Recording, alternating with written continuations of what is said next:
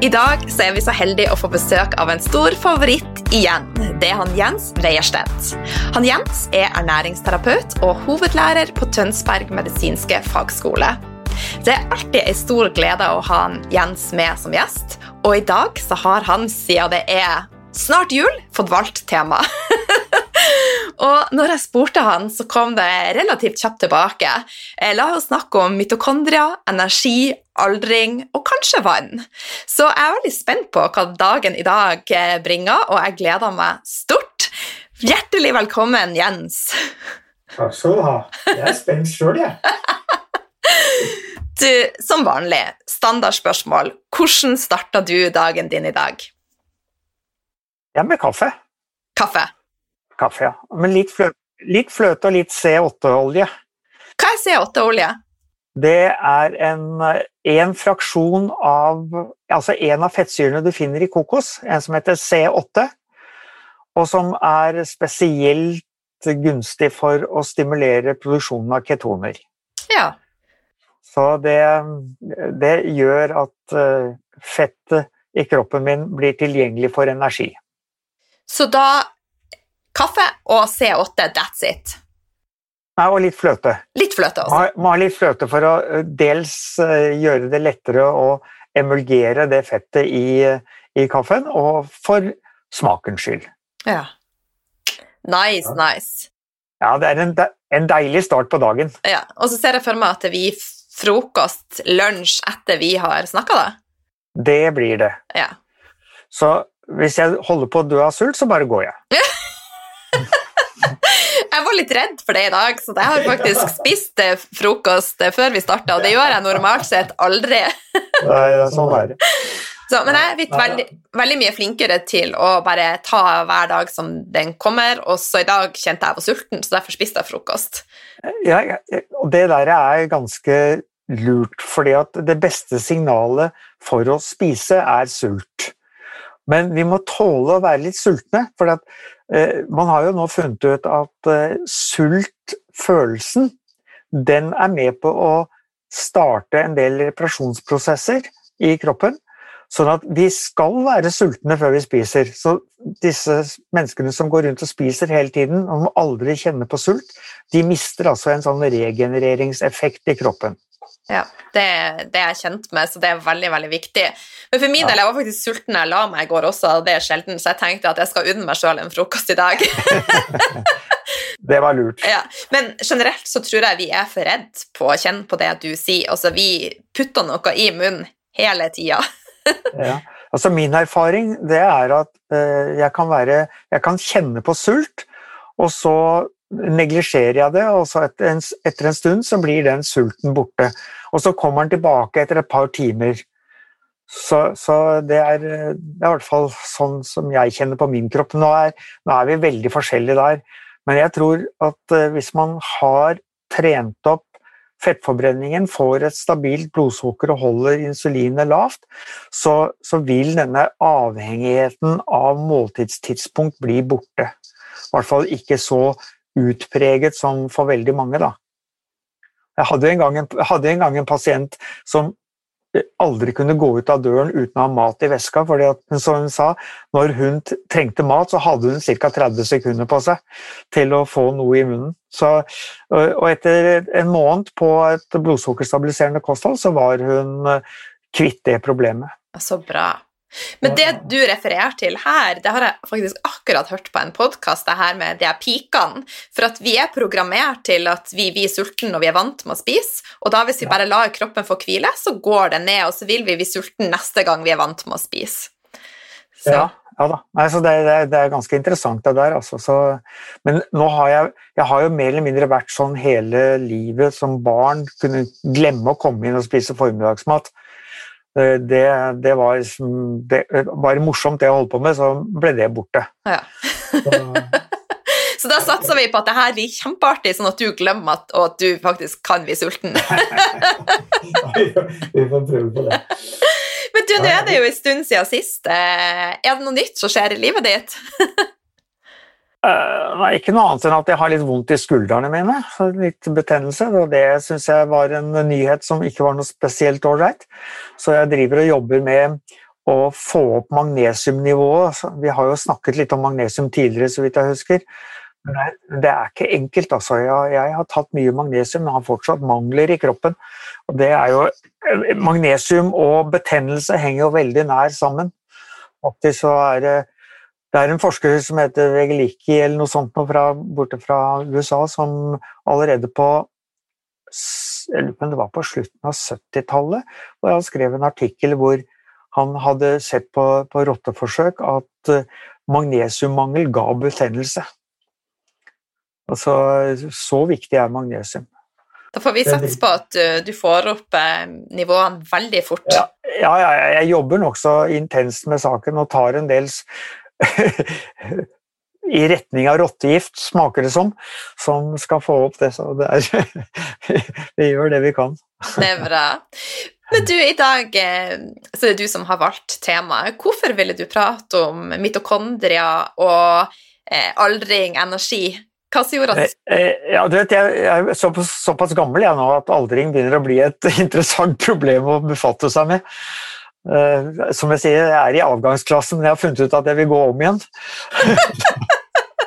så, så, vi får nå se hvordan det der går, da.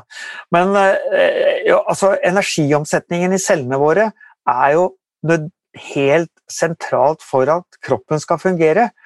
Og det er jo et gammelt skal vi si, ikke, ikke gammelt kanskje, da, men et utsagn som sier at hvis hver celle i kroppen har det bra, så er du frisk og, og, har den energien du trenger. sånn at det å sørge for at disse mitokondriene, som er en rar jeg skal si litt mer om det etterpå, men som er en rar liten konstruksjon i cellene våre, den sørger for at cellen har den energien som den trenger for å gjøre den jobben som akkurat den cellen har i kroppen. Vi har jo en haug forskjellige celler som alle har sin oppgave. Så disse mitokondriene det er, det er faktisk en ganske merkelig historie. Du vet at Opprinnelig så var de første cellene på jorden, de eh, encellede organismene, de levde anaeropt, altså uten oksygen til stede. Det betyr at de, er, eh, de fermenterer glukose til energi. Og det er en forholdsvis eh, lite effektiv metode å få ut energi på. Så tror man da at en sånn celle ble invadert av en annen celle, nærmest et, en bakterie, som eh, da etter hvert har utviklet seg til en energigenerator inni cellen. Så det er altså en inntrenger som kommer og utnytter oksygenet til å lage energi, eller lage energi ved hjelp av oksygen og energien i maten vi spiser. Og den ble mer og mer spesialisert fordi at inne i cellen så hadde den jo all service tilgjengelig som cellen kan by på, og kunne da konsentrere seg om dette her. Denne, de er veldig små. Eh, størrelsesorden 3000-dels millimeter lang. Det er jo så smått at det er jo eh, eh, Ja, det, du får ikke uten videre øye på den. Så, så det, er, eh, det, er, altså veldig, veldig smått, men helt nødvendig. Og denne her eh, eh, Fordi den kom som en inntrenger, så har den faktisk sitt eget DNA. Så det har altså sitt eget arvestoff. Og som er også ganske spesielt, da, det er jo at dette DNA for mitokondriene, det arver du bare fra mor, ikke fra far. Og Visstnok så er det en sånn evolusjonsmessig årsak til dette her at eh, de ville ikke ha noe innblanding fra utenforstående, så de beholdt alt selv. Så det, det gjør at eh, mitokondrieforskning faktisk eh, kan fortelle veldig mye om arv og hvordan utviklingen har vært. Og jo, jeg tror det er gjennom det man har kommet frem til at vi har syv urmødre i verden, som er utgangspunkt for den moderne befolkningen i dag. Nå er ikke dette noe jeg er spesialist på, så ta det litt med en klype salt, men det er noe i den retningen der. Ja. Men det er det du sier nå, da. Menneskene de eksisterte da selvfølgelig ikke før dette skjedde. For vi kan jo ikke leve uten disse kraftverkene. Nei. Så, nei. nei så det, dette var utgangspunktet for dannelsen av flercellede organismer, som etter hvert da ble menneske. Men det tok noen millioner år. Ja, det er jo bare så fascinerende. Ja, det er det. Og, det, så, så hva, hva, kan man bruke det til? Jo, eh, jeg forteller jo alle gutta da at skal du finne deg en dame som du har tenkt å slå deg ned med, eh, slå, ikke slå deg til sammen med, heter det kanskje. Så finn en med god energi, så gjør du barna dine en tjeneste. Ja. Så alle dere der ute som sliter med energien, dere må få opp farten på mitokondriene, sånn at dere har gode, god kvalitet på dem og god energiomsetning. Ja. Men i kroppen vår så har vi jo mange millioner celler.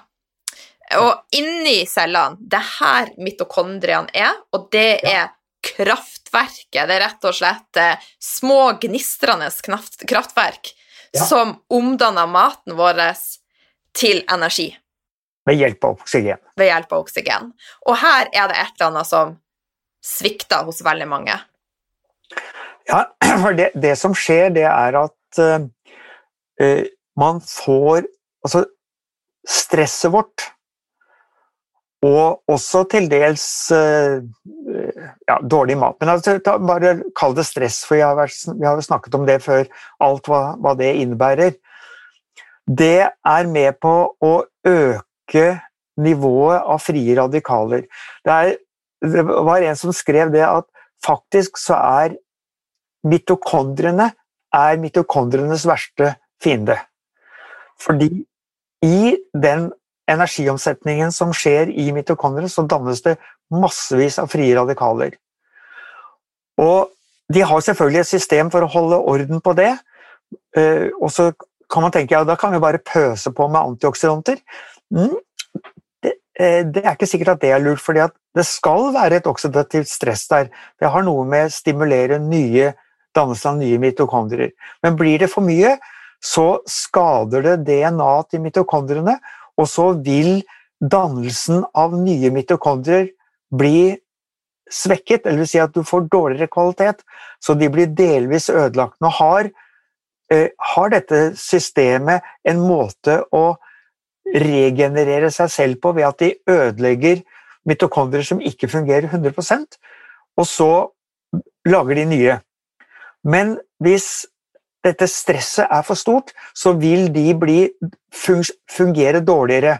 Og etter hvert som vi blir eldre, så vet vi at uh, energien ofte blir dårligere etter hvert som folk blir eldre. Uh, organer funger, fungerer dårligere. Vi ja, det skjer en aldringsprosess som i stor grad er styrt fra mitokondriene. Men det er jo allerede nå i altså fra unger er små, så opplever vi jo at eh, energien kan være lav, og flere og flere får utmattelsessymptomer, ME. Er det noe som kan linkes opp mot en svikt i mitokondriene, da? Ja, det er, altså energimangel er svikt i mitokondriene. Altså, det kan selvfølgelig være næringsmangel.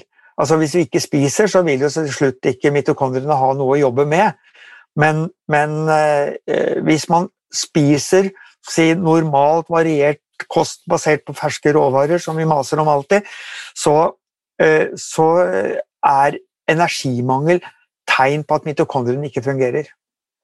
Og for å få mitokondriene til å fungere, stress ned, men hva kan vi annet gjøre da for å Det er ganske mange ting, men jeg skal bare si, bare for å illustrere litt om størrelsen på dette her. Så hver celle inneholder et antall mitokondrier som er avhengig av funksjonen. Det kan være ganske få for de som har, har du kan si lite metabolsk funksjon, men opptil i en eggcelle kan det være opptil 100 000 mitokondrier. Altså, Jeg bare tygg på tallet. Er du dobbelt så mange mennesker som det er i Bodø? ja. Så eh, jeg har veldig mye av denne informasjonen fra en kanadisk naturopathic doktor som heter Lee Now, som har skrevet en fantastisk bok om mitokondriene og fremtidens medisin, for han mener at det er mitokondriene man skal fokusere på. Og han nevner da at det foregår en eh, produksjon av ATP var det én million ganger per sekund i hvert eneste eh, mitokondrie. Så bare, bare tygg på tallet. Ja, det er jo ganske Nei, det går ikke an å skjønne. Nei, det er massivt. Men, men da, da, skjønner vi jo at her ligger det et potensielt problem også. Og kanskje vi skal ta og snakke litt om dette energimolekylet vi har i kroppen, som heter ATP. Yes, do it. Adenosin trifosfat.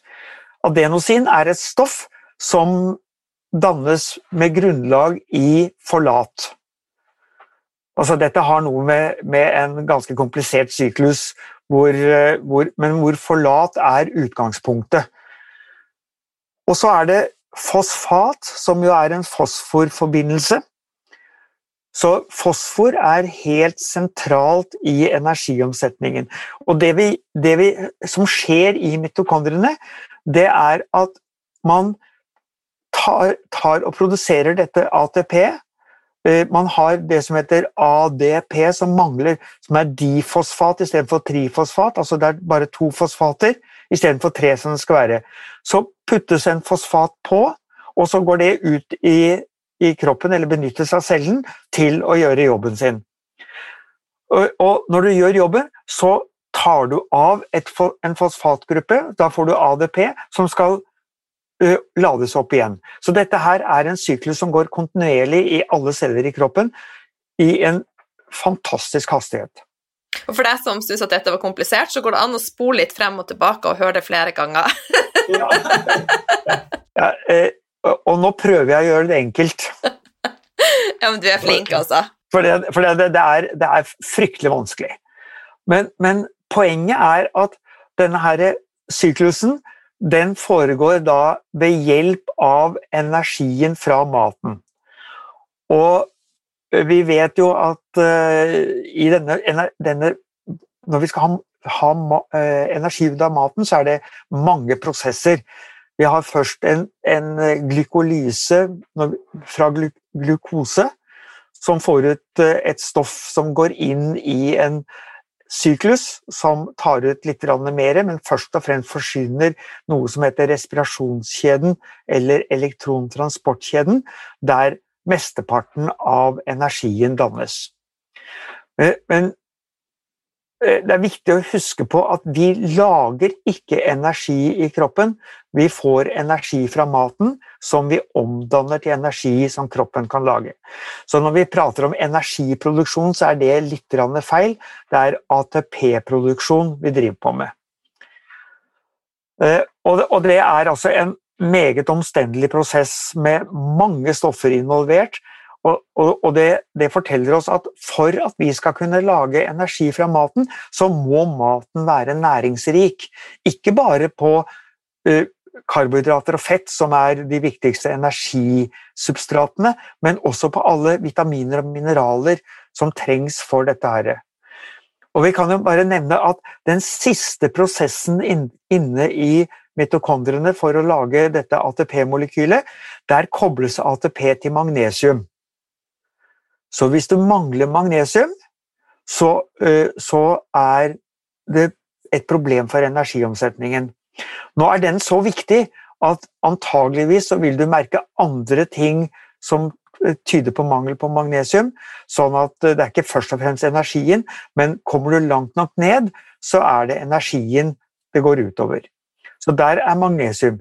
På trinnet før i denne respirasjonskjeden så ligger det et enzym som er avhengig av kobber. Og vi har så vidt bare så nevnt litt av dette, det som mange kjenner som, som uh, magnesiumprotokollen.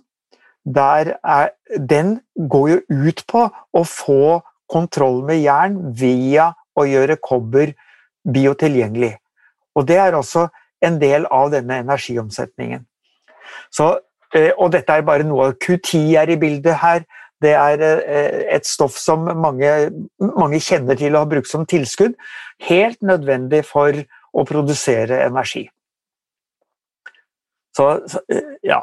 så det er, det er mange, mange, mange ting. Så det er, det er som sagt et, et, komplisert emne på forrige samling, ikke siste, men før der, så hadde jeg tre timer om mitokondriene for studentene. Wow!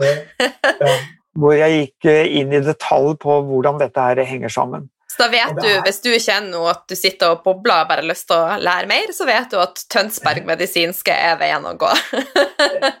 ja, der får du i hvert fall en innføring i det som, eh, som teller. Ja.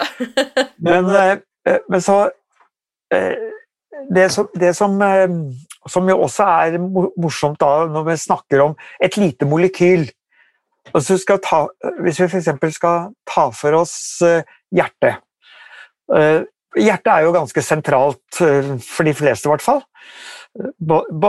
Både fysisk og emosjonelt, er det ikke det? Ja. Eh, det slår ganske mange ganger i løpet av døgnet.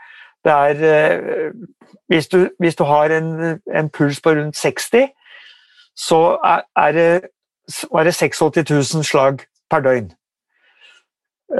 Og det som, som da Eh, skjer, det er at for å få til det, så trenger hjertet ca. 6 kilo med ATP. Og når vi snakker om et lite molekyl Ja, det er jo helt vilt.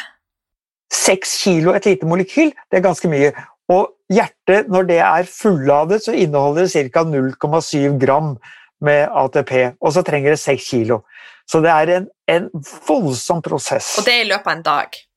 Det er i løpet av en dag, ja. ja. Det går an å regne på det, hvor mye det blir i løpet av et liv, men det, det gidder vi ikke. For det, det blir veldig mye.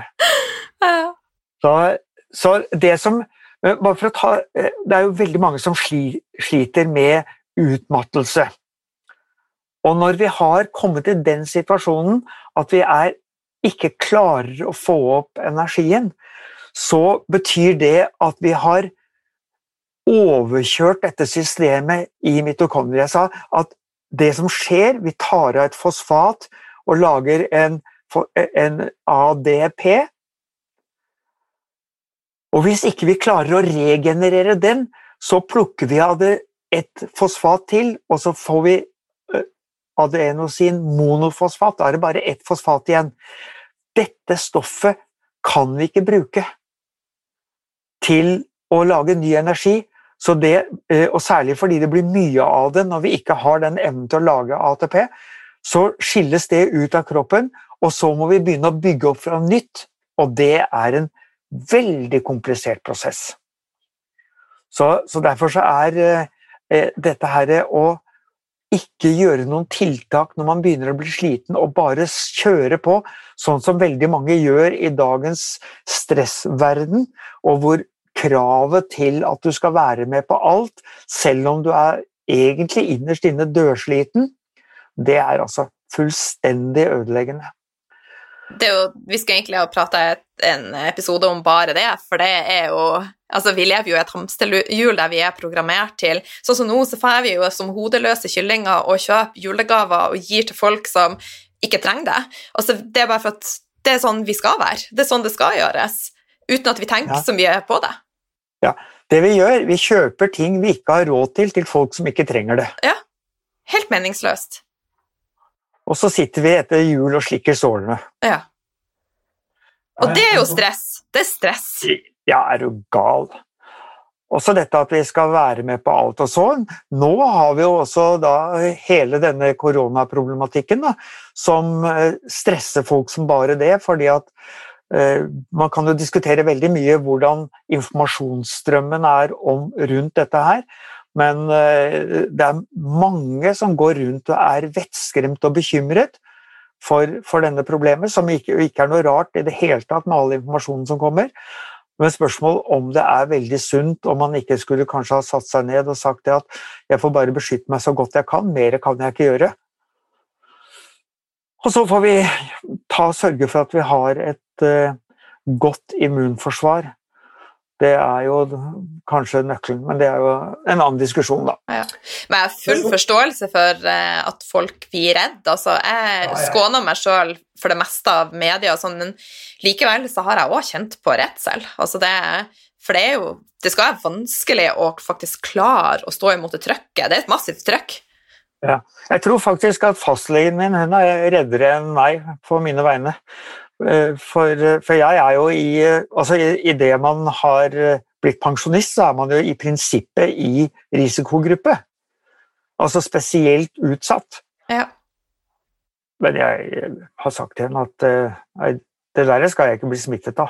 Og hvis jeg blir smittet, så skal jeg i hvert fall ikke bli syk. Det har jeg ikke tid til.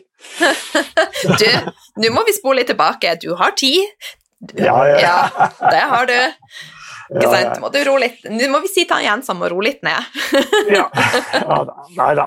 Eh, jeg, jeg gjør det faktisk. Jeg har det, har det forholdsvis greit. Ja, men det er bra. forholdsvis greit. Og jeg har begynt å lære meg til å ta pauser og ha god tid. Ja. Det var jo en ting jeg ikke var spesielt god til før. Da. Nei, det er bra. Men det som kan være interessant, da, fordi at eh, denne her eh, mitokondriefunksjonen er jo da helt sentral for at vi skal ha det bra. Hva, hva kan vi gjøre for å sørge for at mitokondriene har det bra? Selvfølgelig så er det dette å spise ordentlig som vi alltid snakker om. At man velger så god mat som overhodet mulig. Og hvis du ser på konsekvensene av å ikke spise optimalt, så er god mat billig. Helt enig. Ja, fordi at Man kan godt si at eh, det er mye billigere å spise billig mat, men hvis det ender opp med at du ikke orker å være med på det du skal være med på, og livet blir ødelagt, så er det faktisk ganske dyrt. Og så er det jo veldig tidkrevende å være syk. Unna og ut av sykehus og spesialister. Så det er jo. Jeg ser bare nå, for jeg var i en kollisjon, og det å være i det system, systemet er så tappende. Altså, det er veldig tappende. Ja, ja, ja. Nei, så En ting som er viktig, det er jo da selvfølgelig å passe på fordøyelsen, sånn at man tar opp maten. Passe på at man får nok protein, sånn at man har aminosyrene som trengs for å bygge kroppen, og som også trengs for å få denne her, uh, energiomsetningen til å gå som den skal. Vil du si animalske proteiner er best, da? Eh, Ja, I min verden så er det jo det. Fordi at animalske proteiner er komplette. Men det er jo da viktig at man prøver å bruke an, eh, animalske proteiner fra dyr som har hatt det bra. Ja. Vi er jo, eh, altså Folk tror jo at vi som mener at det er fornuftig å spise kjøtt, er for industriell kjøttproduksjon, men det er jo helt feil. Vi er definitivt opptatt- opptatt av dyrevelferd og at eh, dyrene skal ha det bra og leve et godt liv inntil de blir mat. Det har også noe med matkvaliteten å gjøre, selvfølgelig, i tillegg til dyrevelferd. Eh, Men så er det da visse ting, visse tilskudd man kan bruke. Og dette med selvfølgelig blodsukker, som vi også har snakket om, i bruke så god mat som mulig, så ligger også blodsukkerkontroll. Nemlig at man finner ut hvor mye karbohydrater man tåler, og ikke spiser noe særlig mer enn det. Eh, Nå kan- vi kanskje for noen ha en litt utfordrende tid vi går inn i, da, med julekaker og desserter og, og så videre. Eh, Det tåler vi. Hvis vi er i balanse, så tåler vi en eh, utskeielse som dette her, de aller fleste i hvert fall. Men hva kan vi gjøre? Et, jeg nevnte det at denne, denne sluttformen for ATP, AD, AMP, som vi ikke uten videre kan, kan utnytte, og som må bygges opp fra grunnen av, der er det ett tilskudd som sikkert noen kjenner, kanskje folk som driver idrett, som heter ribose, eller deribose. Det er et, et form for sukkermolekyl som er utgangspunktet for å starte å bygge opp ATP. Og det er gjort en del studier som viser at eh, det kan hjelpe, og en del som er fryktelig slitne, kan ha hjelp av å bruke deribose. Eh, Ganske små doser er virksomme, men det optimale ser ut til å være rundt en 3-5 gram med dette stoffet hver dag inntil energien begynner å komme. For en som har diabetes, så er det viktig å vite at dette her påvirker ikke insulinbehovet i det hele tatt, for en trenger ikke det. Og, verken, og den påvirker ikke blodsukkeret, så det er ikke noe som forstyrrer en diabetiker. Bra. Og det er gjort mye studier på ribose, og det er ingenting som tyder på at det har noen negative virkninger. Man har gjort studier med opptil 60 gram per dag. Eh, det er selvfølgelig helt unødvendig, men for å se om det har noen, har noen, eh, noen gunstige effekter. Da. Så er det et, eh, et annet tilskudd som jeg aldri hadde hørt om før jeg kom over denne boken til Lee Now. Eh, og da, Nå må jeg bruke fuskelapp her for å huske hvordan, hva det heter, for det heter pyroloquinolin. Pyroloquinolin. Ja. PQQ, det er litt enklere. PQQ, men eh, vi skal legge det med episoden. Får man tak i det i Norge? Eh, det vet jeg ikke. Jeg har ikke, jeg har ikke sjekket det. Jeg jeg kjøpte det fra, fra USA. Eh, det er et for, ikke sånn ekstremt dyrt, men litt, litt, dyrt. Det er jo eh, Dette heter kinon. Det forteller vel kanskje at det er noe i slekt med, med Q10. Eh, men det er i hvert fall et stoff som japanske forskere hadde funnet. Og de fant ut at dette hadde noe med med mitokondriefunksjonen og regenerering av mitokondrier å gjøre. Så man, så, eh, man gjorde noen rotteforsøk og så at de rottene som ikke fikk PQQ, de overlevde ganske dårlig. Eh, og man eh, så at dette PQQ det gjorde det samme som man før egentlig bare så ved, ved å begrense kaloriinntaket og, og trene hardt. Det er de to tingene som vi kjenner til, som kan bedre mitokondriefunksjonen. Altså hvis du trener hardt eller spiser mindre mat enn det du trenger, altså kalorimengde, ikke næringsstoffer, men kalorimengde, så produseres det flere mitokondrier, antageligvis for å utnytte den energien man får, bedre. Men det kan jo da være i konflikt med hvis man har ME og forhøya stressnivåer, så blir det jo en krasj der, da. Altså, da er jo ikke løsninga å trene hardere og spise mindre. Definitivt ikke. Nei. Eh, jeg mener jo at en del som er veldig slitne, ikke skal trene i det hele tatt. Ja. Jeg mener at det er helt eh, Det er motsatte av det de trenger. For, fordi, fordi at uh, trening Man må må alltid skjønne at trening er nedbrytende.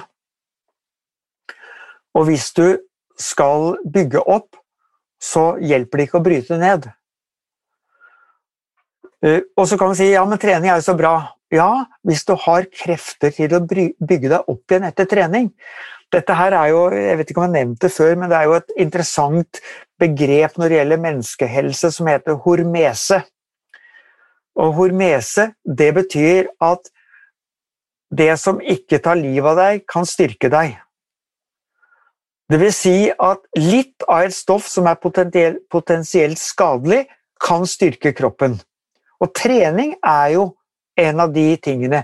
Du bryter ned, men fordi du har reserver til å bygge opp, så, så bygger du deg opp til et litt høyere nivå. Altså så blir du litt bedre etter trening. Men, men det fordrer at du har ressursene. For en som har ME, f.eks., så vil hver treningsøkt ta dem ned på et lavere nivå. Og som jeg snakket med en, en for mange år siden, som sa det at uh, jeg har fått beskjed av en personlig trener at det, det er bare å trene seg gjennom. Og jeg trente og trente, og det jeg trente meg gjennom, var gulvet. Nå er jeg i kjelleren og kommer aldri opp igjen. Uff. Ja. Så det er uh, Men man skal bevege seg så mye som man tåler uten å være sliten dagen etter. Det, det som jeg syns er en god regel. Hvis du er sliten dagen etter, så har du tatt i for hardt. Og for noen så betyr det tre ganger rundt stua. For andre så kan det bety å være ute og gå en time. Så, så, så, det varierer, så man skal bygge opp etter hvert som man tåler det. Ja. Så denne eh, PQQ, det er absolutt noe som man kan kan eh, tenke på. Nå fins det litt i mat, og blant annet så er eh, en del frukt og grønnsaker, kiwi, papaya, persille det er eh, Kakaopulver er, er, det mye i, men selv der det er mye, er det lite. Så, så, sånn at det, det er ikke Jeg tror ikke du skal satse på kakao for å få i deg nok. da, da, da, glapp den. ja, det er glapp den. For da, da kan det, kunne det fort bli snakk om at du kanskje måtte spise 300-400 gram og det blir litt i overkant for de fleste, tror jeg. Ja, det tror jeg også. ja, så, så, det å, å, bruke Få tak i et sånt PQQ, og faktisk så finnes det tilskudd som har kombinert med Q10, for det er en, et annet stoff som det er verdt å merke seg. Q10 er helt nødvendig. Det inngår i denne elektrontransportkjeden og frakter elektroner inni der. Og uten Q10 får vi ikke det til. Q10 produseres i kroppen, men det er en ganske omfattende og komplisert prosess som går dårligere etter hvert som man blir eldre. Og kjempeviktig i dag, fordi det er så veldig mange mennesker som går på kolesterolsenkende medisiner, så hemmer den kolesterolsenkende medisiner, eller statiner som de heter, de hemmer et enzym som også ligger på transportbåndet for produksjonen av Q10. Så hvis du går på statiner, så får du dårligere Q10-nivå. Det betyr jo ikke at det skrus av, for det vil det gå veldig dårlig, men det blir dårligere. Så det er alltid å anbefale å ta Q10 for de som går på statiner, men også for folk som har dårlig energi. Men du må ta forholdsvis store doser, man snakker om 100-200 mg. Av og til så har det vært brukt kjempedoser, altså oppi gramdoser, men si 100-200 mg vil stort sett være bra for de fleste. Ja. Gode tips. Ja, det, man må jo prøve å komme med noen tips som kan hjelpe i denne situasjonen, da. Mm. Så, så, det er eh, Fordi det gjelder alle cellene, så betyr jo det nevrologiske tilstander, ikke bare energi, men nervefunksjon, hjernefunksjon, er jo også avhengig av dette her. Fett er jo, som vi har sikkert snakket om mange ganger, den mest effektive kilden til energi i kroppen fordi den er så energitett. Og noen mener at ja, det er jo synd, fordi eh, da legger man jo på seg. Ja, ikke så mye av fett alene. Det kan, altså For all del, spiser du for mye fett, så legger du på det. Det er ikke det. Men eh, du, hvis du klarer å bruke fett som energi, så har du en veldig god energikilde. Og faktisk så ser det ut som for mitokondrene så foretrekker de fett som, som, eh, som drivstoff. Ok. Uh, og uh, det er et, Hvis jeg ikke husker helt feil, så dreier det seg om en forskjell fra, fra en noen og 30 ATP fra et molekyl med glukose opp til en 170-80 fra et molekyl med mettet fett. Så det er altså kjempestor forskjell i energimengden.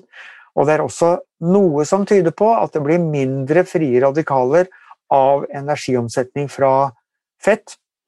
Men eh, la det ligge. Det som i hvert fall er helt sikkert, er at det er et stoff som er nødvendig for at fett skal kunne utnyttes til energi, og det er L-karnitin.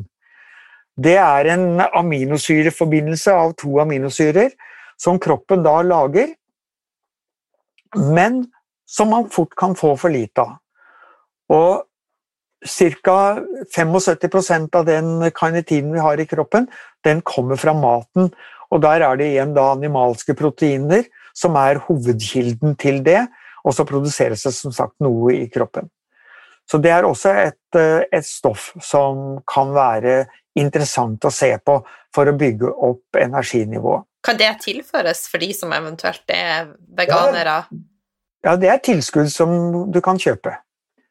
Det er et, et pulver som, som, man kan ta. Akkurat hva dosen der er, det er jeg litt usikker på. Og så har vi tilbake til magnesium, som jeg allerede har snakket litt om. Helt nødvendig for energiomsetningen. Men det er også Eh, mange andre funksjoner. Jeg holder på nå og skal skrive en liten serie med blogginnlegg på skolen om magnesium. Så de som følger med på skolens blogg, det anbefaler vi jo absolutt, så, så vil det i løpet av våren komme Jeg tror det er fire, fire artikler jeg skal skrive om magnesium og alt det den gjør i kroppen. Før så trodde man jo eh, at det var ca. 300 prosesser i kroppen som var avhengig av magnesium. Eh, det var et tall som visstnok var tatt ut av løse lufta. Nå prater man om 800-900 enzymer, men det var en som satte seg ned og prøvde å finne ut hvor mange steder i kroppen inngår magnesium, for det forteller jo litt om hva den er nødvendig for. Og da kom man opp med 3751 proteiner som hører til det som kalles kroppens magnesom, nemlig der magnesium har en eller annen rolle. Det betyr ikke at eh, magnesium er nødvendig overalt der, men det gir en indikasjon på hvor viktig magnesium er i kroppen.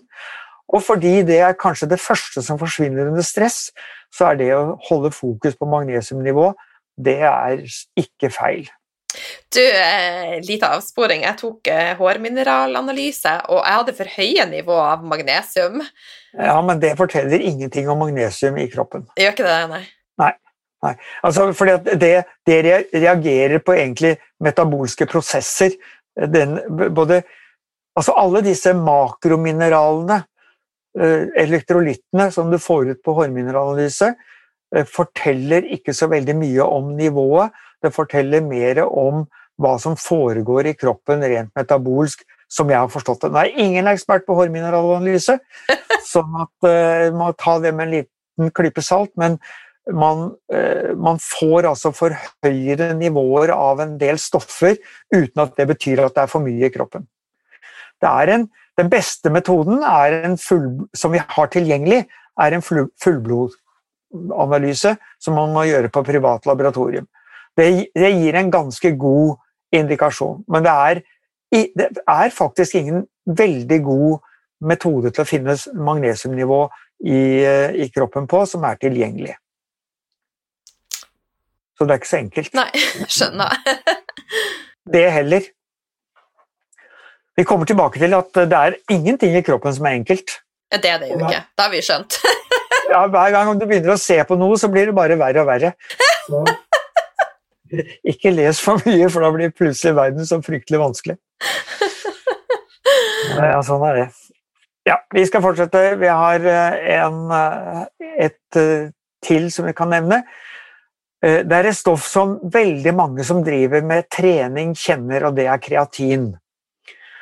Og kreatin det er et, et stoff som i kroppen lagres som kreatinfosfat. Og da kan vi kanskje høre ut ifra det vi har snakket tidligere, at hm, det var interessant.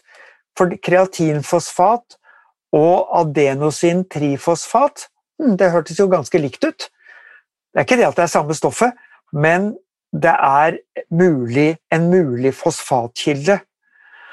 Og det, det indikerer at kreatin, hvis du mangler det, så vil tilskudd være fornuftig, men har du nok, så vil ikke tilskudd hjelpe. Så til alle som driver med idrett og tror at kreatintilskudd kunne gi dem bedre ytelse, så får de bedre ytelse bare hvis de mangler. Har du nok kreatin, så gir ekstra kreatin ingenting. Det er ikke farlig? Nei. Nei. Men det har, det har altså som sagt ikke noe effekt hvis du har nok. Så må vi avslutte med å si litt om kostholdet. Mange har kanskje hørt at kaloribegrensning gir øket livslengde. Og faktisk for jeg mener i rotteforsøk så har man fått, får man dem til å leve, leve er det bortimot dobbelt så lenge som normalt. I hvert fall veldig lenge. Og det, eh, det, da snakker man om en reduksjon på rundt en 30% av energien. Så hvis du normalt spiser si 2200 kalorier per dag, som vel ikke er så unormalt, så vil det si at du kommer ned på en 1800-1900 kalorier per dag. Som det går an å leve på hvis man bare velger maten med omhu. Det fører til mindre dannelse av frie radikaler i mitokondriene, som gjør at du får mindre skade på mitokondriene ved å spise mindre kalorier. Og da holder vi oss unge! ja, det, no, det, det, ser ut som det. Alle forsøk med dyr, og, og, faktisk med primater, altså menneskeaper, så har man sett at uh, de, de uh, hadde bedret helse ved å redusere kaloriene med ca. 30% Mindre risiko for diabetes og, tidlig død. Så, så det, har noe, det, har en viss betydning. Nå er det ikke naturlig nok gjort forsøk på mennesker, så man vet ikke om det gjelder mennesket også, men det er en god indikasjon på at det i hvert fall ikke er feil å ikke overspise. Så det var kanskje ikke akkurat nå vi skulle snakket om det, når vi går inn i, i julen. Men det går an å la den, la den siste uh, porsjonen ligge igjen. Eller ikke ta den siste porsjonen. Uh, jeg tror ikke vi dør av den grunn. Men det er noe med god mat i hyggelig lag har lett for å bli litt ekstra. Det er sant. Så uh, ja. Nei, i jula så må det være lov å kose seg litt ekstra. Vi må tenke på det vi gjør stort sett hver dag. Ja, det er altså ikke mellom jul og nyttår, men mellom nyttår og jul er det jo et, en gammel setning som sier. Ja. Så dette å ta vare på mitokondriene er, har altså betydning for aldringshastighet. Og målet, som jeg sier, målet mitt er å få lov til å dø frisk med et hode som fortsatt fungerer. Hvis jeg får til det, så er det ikke så viktig hvor gammel jeg blir. Det får nå bare tiden vise. Man, man, det har man heldigvis ikke noe særlig oversikt, uh, oversikt over. Så denne herre eh, overskuddsenergi eller, eller eh, dårlig med næringsstoffer for å vedlikeholde antioksidantnivået og en god mitokondriefunksjon er altså en del av aldringsprosessen. Heldigvis så er det sånn at kroppens evne til å regenerere seg, den er ganske stor. Det fins en prosess i kroppen som heter apoptose, som betyr styrt celledød. Det betyr at hvis kroppen ser at mm, du fungerer ikke helt sånn som vi ønsker, så, så tar den og uh, lar den cellen pent og rolig dø, regenererer alle næringsstoffene og bygger opp en ny celle. Sånn at man har altså en evne til å reparere. Dessverre så er det sånn at denne regenereringen lager ikke unge celler. Den lager bare en ny celle der du var før. Men med å stimulere denne regenereringen av mitokondrier, så ser du også, i hvert fall i, hvis man ikke er for gammel og for ødelagt, at det går an å reversere noe av dette her. Man ser jo typisk eksempel på folk som har vært utsatt for ekstremt stress, og som da er ferdig med stresset og legger om livet sitt og faktisk ser yngre ut et år etter. Sånn at det er, det er en evne til å regenerere og nærmest reversere aldringsprosessen. Men helt tilbake til puberteten kom man ikke. Heldigvis, får vi kanskje si. Ja, men så kan man jo også tenke på, hvis man er kommet til en viss alder, at de tingene man gjør, vil jo også være med å forebygge. Så selv om vi ikke kan snu så mye, så kan vi kanskje senke prosessen. Ja, og det, det er jo noe av det som er poenget her. At uh, når man, man opprettholder mitokondriefunksjon, og alle cellene fungerer så bra som er mulig i kroppen din, så vil også sannsynligheten for, for å bli syk bli mindre og mindre. Ja. Fordi Det har jo selvfølgelig med immunforsvaret å gjøre, det har med, med hormonsystemet å gjøre. altså alt, Det griper inn i absolutt alt. Fordi enhver celle i kroppen, uansett oppgave, er avhengig av at mitokondriene gir dem ATP, så oppgaven kan utføres. Så det er eh, Ja, det er, det er, det er kjempeinteressant, dette er det. Ja, veldig, veldig. Så, eh, men vi kommer jo tilbake til de samme tingene. Ta vare på fordøyelsessystemet, ja. spis naturlig mat, tygg ordentlig, pass på at, det, ja, vi klarer å fordøye. Ja, derfor så er jo rammen er ganske enkel. Eh, det er bare detaljene som er så innmari kompliserte. Ja. Så tenkte jeg vi skulle bare si litt om vann til slutt. Vær så god. Ja, og det, fordi at det er Jeg har begynt så vidt å snuse ikke snuse direkte sånn, men på informasjon om vann. Jeg har begynt å sniffe vann. ja, det er ikke å anbefale. Og det, det, skal jo egentlig ikke lukte noe særlig. Nei. Men, eh, men, vann er ganske interessant. Vi er jo eh, et eller annet sånn rundt 70 vann. Så, så, at vannet vi tar inn i oss, er ganske viktig. Eh, og det er heldigvis sånn at veldig mye av det vannet vi får i oss, kommer fra maten vi spiser. Altså Folk sier at jeg må drikke mange liter med vann. Nei, du trenger ikke det. for uh, hvis du spiser mye mat med vann, og mesteparten av maten vi inneholder, eller vi spiser, er jo masse vann i, så er den maten hvis, hvis, hvis, Er det vannet, hvis maten er ordentlig, så er det vannet, vannet ok. Jeg kom faktisk over en ganske interessant eh, sak, uh, informasjon der. Uh, det det fins en kreftterapi som heter Gerson-terapi. Det er en amerikansk lege som utviklet dette her på 20-tallet, tror jeg det var. 1920-tallet. Og som baserte seg veldig mye på grønnsaksjuice. Det som har blitt borte i informasjonen, det var at han lagde også juice av lever. Okay. Som en viktig, ja, viktig del av den, den uh, prosessen. Og så var det kaffeklyster opptil fire ganger om dagen.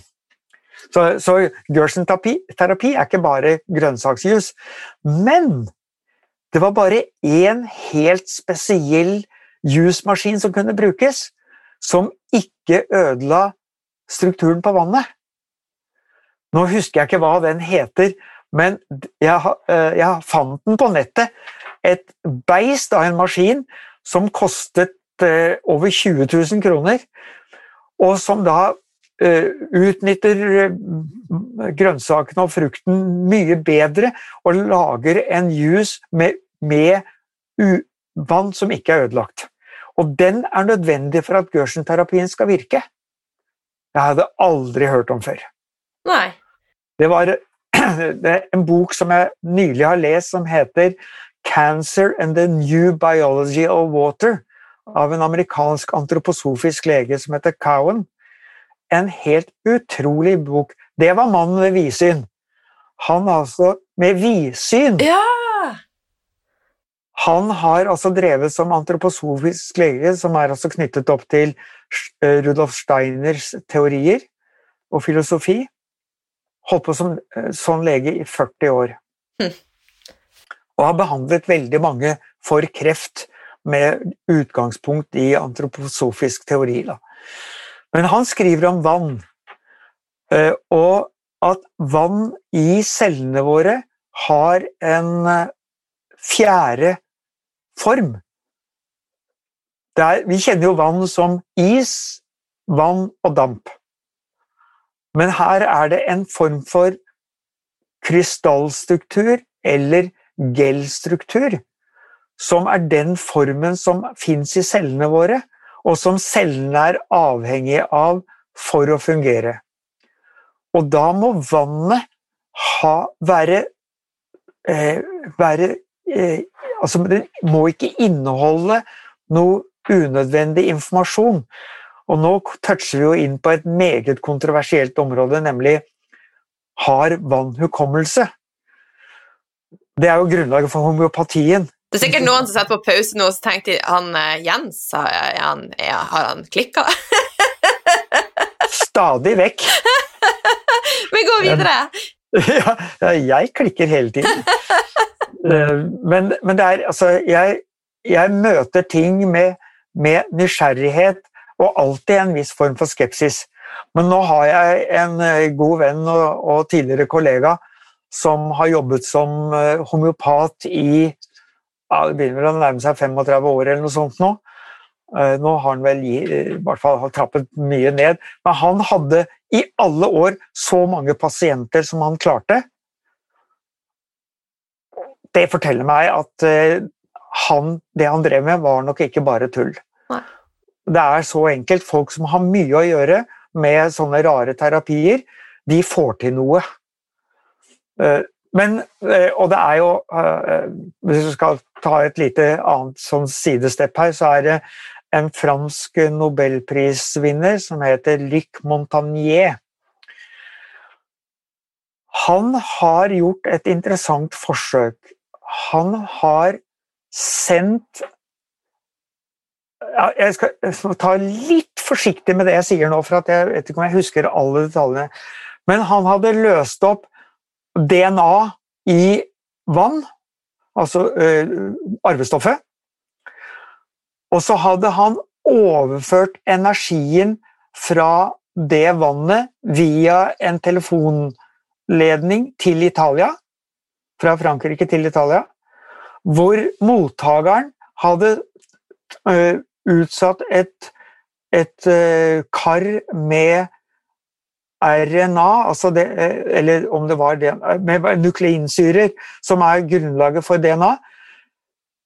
Og så dannet i det, i det vannet så ble det dannet et nytt DNA, likt det DNA som var der det ble sendt fra. Ok.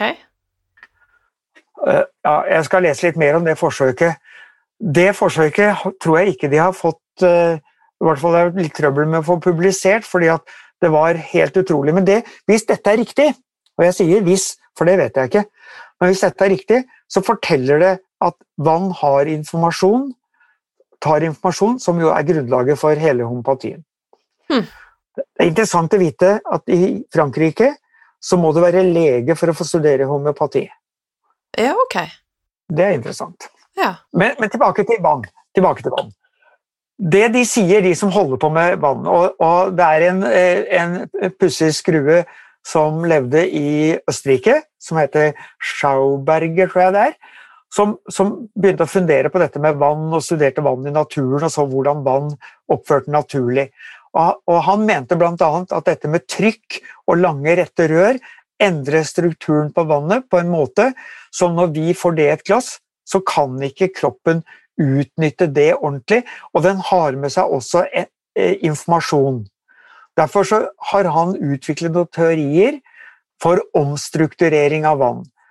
Nå er vi ganske langt utenfor etablert vitenskap, bare for å si det, og jeg er fullstendig oppmerksom på det, men det er noe med dette her som han holdt på med, og som, det er en annen kar som heter Grander, som også har holdt på med det samme, også nede fra Østerrike.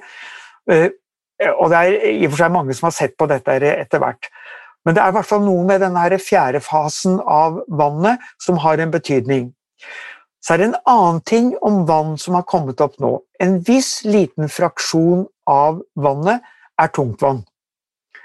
Der er altså hydrogenet byttet ut med noe som heter deuterium. Det betyr at der er det istedenfor bare et proton, så er det også et nøytron inni kjernen for de som er veldig interessert i kjemi. Så betyr det at det blir tyngre i molekylvekt enn hydrogen. Så det blir en lignende på hydrogen, men ikke helt. Dette tungtvannet det ødelegger denne strukturen inni cellene og er med på å ødelegge cellefunksjon. Så nå begynner det å komme informasjon opp om å eh, tilføre kroppen hydrogen. Det kan du gjøre gjennom hydrogenvann, og du får tak i hydrogengenerator, som altså øker hydrogenmengden, og dermed forholdet mellom, mellom vann og tungtvann. Og det fins eh, noe tilskudd som heter NADH, som tilfører hydrogen. Og NADH Grunnen til at det er litt morsomt å ta opp det nå, det er at det er et av stoffene som tilfører energi inn i mitokondriene. Eller inn i elektrontransportkjeden. Og det er et B, basert på vitamin B3. Ok. Og dette skal altså da hjelpe på mitokondriefunksjonen. Så i dag så har jeg for første gang tatt et sånt tilskudd. Som jeg har fått tak i fra, fra USA. Du får tak i det i Norge også. Det norske tilskuddet som da de sier er det eneste som fungerer, det er veldig dyrt. Det andre er ikke så dyrt, eh, og de som leverer det, sier at det fungerer hvis du gjør som man sier, det er en slags sugetablett som man Sug, men ikke svelg. Det er lett. Du skal suge, men ikke svelge? Ja, prøv på den, da. så jeg satt og sleit litt her på morgenen.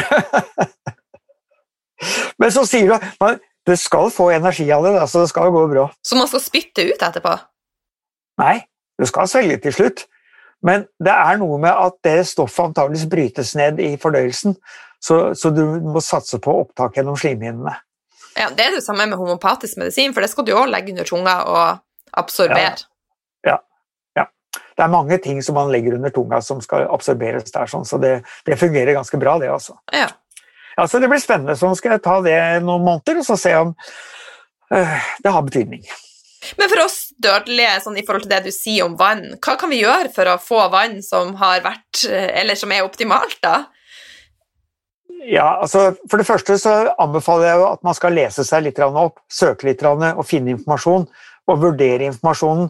For som jeg sier, dette jeg har pratet om nå, det er veldig kontroversielt. Og jeg kan ikke stå for noen garantist for at det er riktig.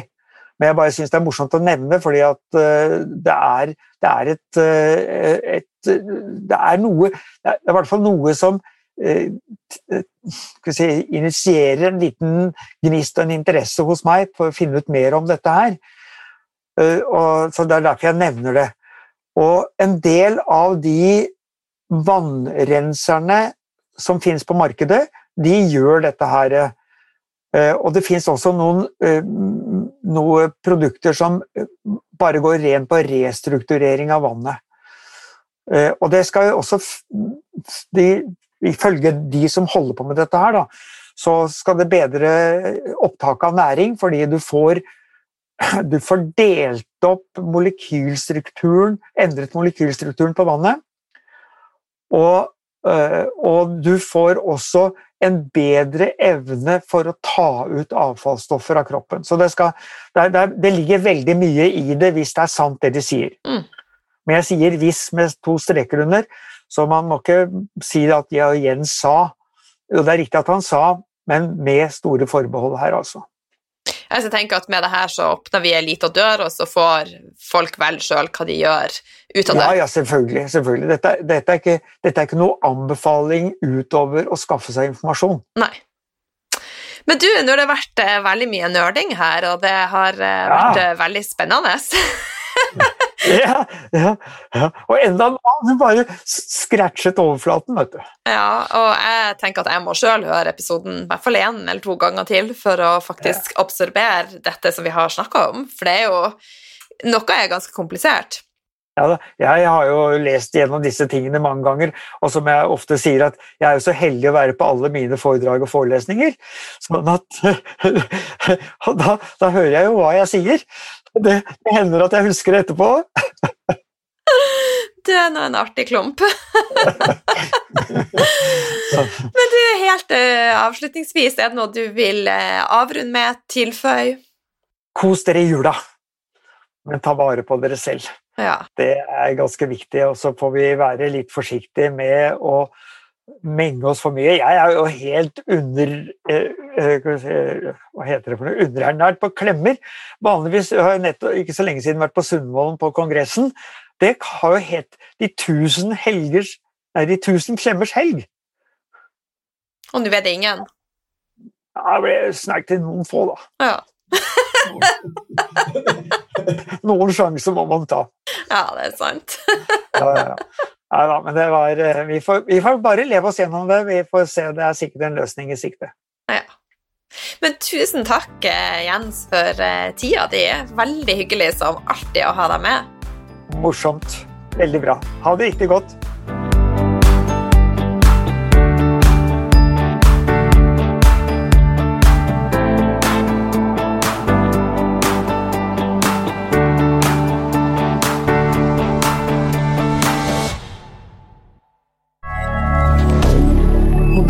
Media.